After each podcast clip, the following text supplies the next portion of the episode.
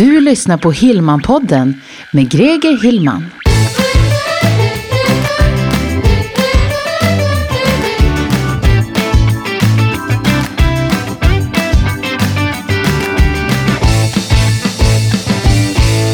Ja men hejsan, välkommen till Hillman-podden, avsnitt 44. Jag heter Greger Hillman och det är dags för en ny digital mumsbit.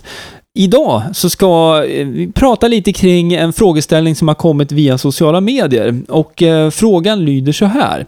Hur marknadsför jag en helt ny blogg eller en helt ny hemsida? Ja, om det är så att du har ett nystartat företag eller om du har startat upp en blogg som du vill såklart att få flera eh, läsare till, så finns det ju olika strategier där för hur man kan uppnå detta. Så att du får flera läsare och du får flera ögon på eh, din hemsida och din blogg. Så jag tänkte att jag ska dela med mig lite av, eh, av eh, ja, sättet som jag arbetar på och eh, några strategier som, som fungerar väldigt bra. Om du lyssnade på avsnitt 43, alltså förra avsnittet, då handlade det ju mera om hur du marknadsför ditt företag lokalt på internet. Eh, och eh, i den, eh, det podcastavsnittet då, så pratar jag ju också lite grann om vad man kan göra då på hemsidan och sådär. Men den här frågeställningen, den är ju mera kring vad du ska ha på din hemsida kanske och eh, hur du ska strukturera innehållet då för att eh, kunna marknadsföra det här och kanske inte med en annonsbudget i första hand, utan via sociala medier och sådär.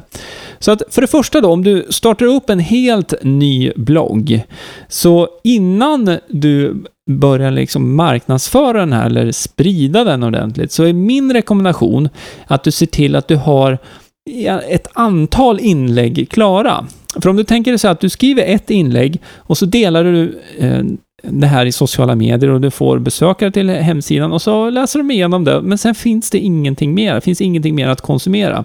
Eh, då kommer ju eh, de besökarna att försvinna ganska fort och målet med din blogg egentligen då, eller din hemsida, bör ju vara att du, du vill ju att uh, ha kvar de här läsarna på din hemsida under en längre tid.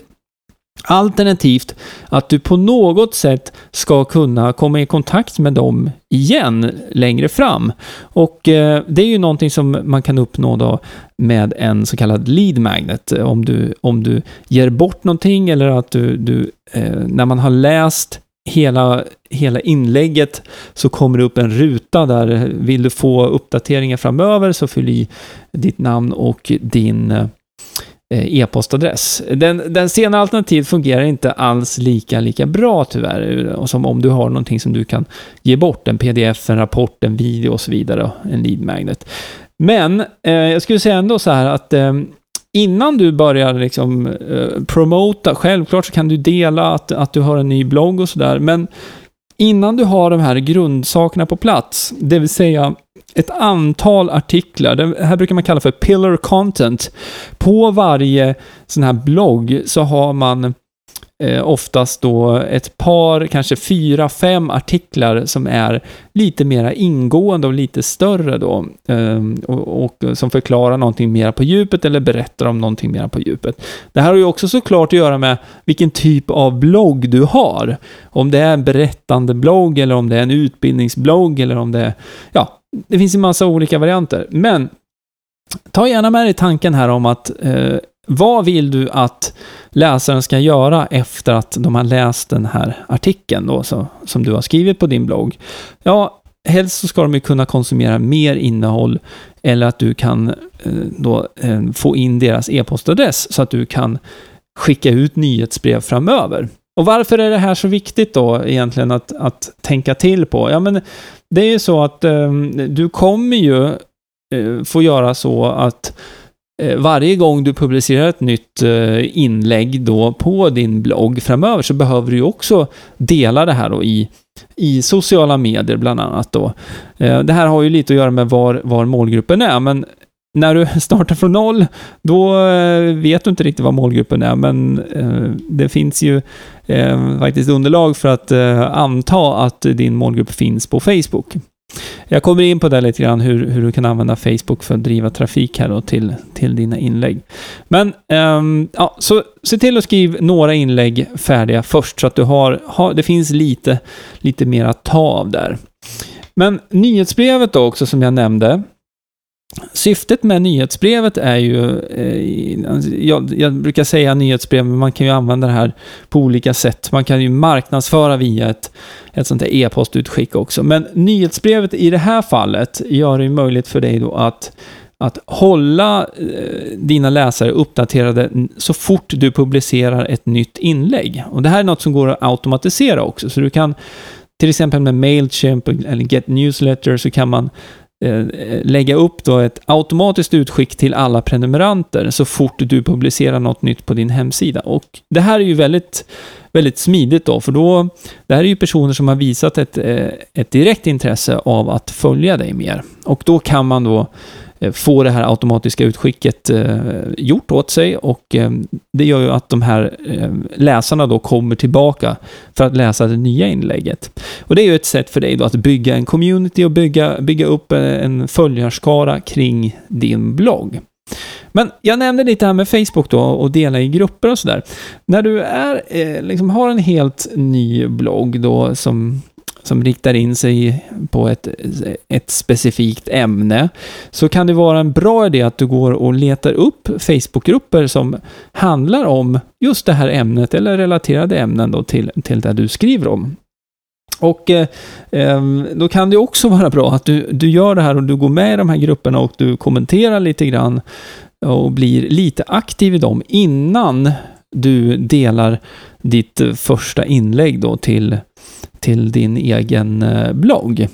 Eh, på så sätt så, eh, om du är aktiv innan så kommer personerna som är med i den här gruppen då känna till dig lite mera. Och de blir då också lite, lite varmare helt enkelt. De blir mera benägna att faktiskt klicka över på din hemsida och, eh, och läsa det här inlägget. Det här är ju någonting som, om du kommer in på en fest, eh, jag brukar dra det här exemplet ibland, kommer du in på en fest, eh, du har, känner inte någon där alls och så ställer du och skriker helt plötsligt Åh, kom och titta här borta, kom och titta här borta. Ja, folk kanske vrider lite på huvudet och sådär, och sen undrar de, vad är det där för en person egentligen? Ehm, och, men har du däremot gått in i rummet och du har liksom konverserat med flera av personerna i rummet och sen säger du så här, ja du, vet du vad? Ehm, jag har skrivit en sak här på min blogg. Du, du kan ju gå över och bara läsa det och säg gärna vad du tycker så här, för att jag håller på att utveckla det här. Jag skulle jättegärna vilja höra din åsikt. Då har du ju betydligt större chans att faktiskt få eh, den personen, de personerna att gå över och faktiskt också lägga några minuter på att läsa det du har skrivit. Så att, eh, att gå med i sådana här olika typer av Facebookgrupper kan vara ett sätt då att få Eh, inom citationstecken då gratis trafik då över till sin blogg och sin nya hemsida. Eh, ett annat alternativ då, om du nu är verksam i, eh, i, inom business to business, B2B, det skulle kunna vara att du delar det här också på LinkedIn. Men då är det en sak som du måste tänka på här nu också. Det, för det första så måste den här informationen då vara relevant inom just B2B. Och eh, LinkedIn-nätverket överlag är mera, man får säga då, professionellt nätverk där man pratar om affärer, man pratar om om saker som har med företagande att göra.